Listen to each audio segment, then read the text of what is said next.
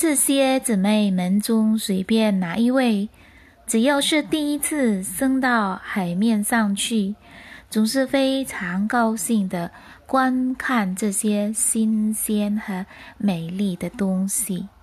可是现在呢，她们已经是大女孩子了，可以随便浮进她们喜欢去的地方，因此。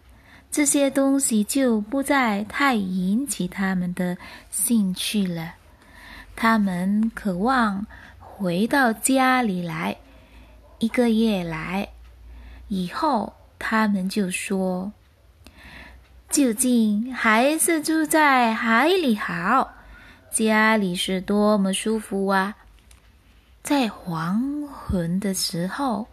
这五个姊妹常常手弯着手的浮上来，在水面上排成一行。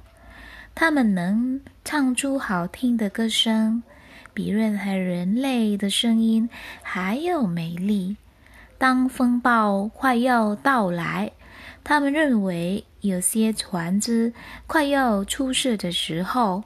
他们就浮到这些船的面前，唱起非常美丽的歌来，说是海底下是多么可爱，同时告诉这些水手不要害怕沉到海底。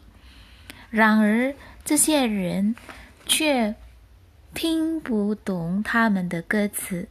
他们以为这是飓风的声息，他们也想不到他们会在海底看到什么美好的东西，因为如果船沉了的话，上面的人也就淹死了。他们只有作为死人才能到达。海王的宫殿。有一天晚上，当姊妹们这么手挽着手的浮出海面的时候，最小的那位妹妹单独的待在后面，瞧着他们。看样子，他好像是想要哭一场似的。不过，人鱼是没有眼泪的，因此他更感到难受。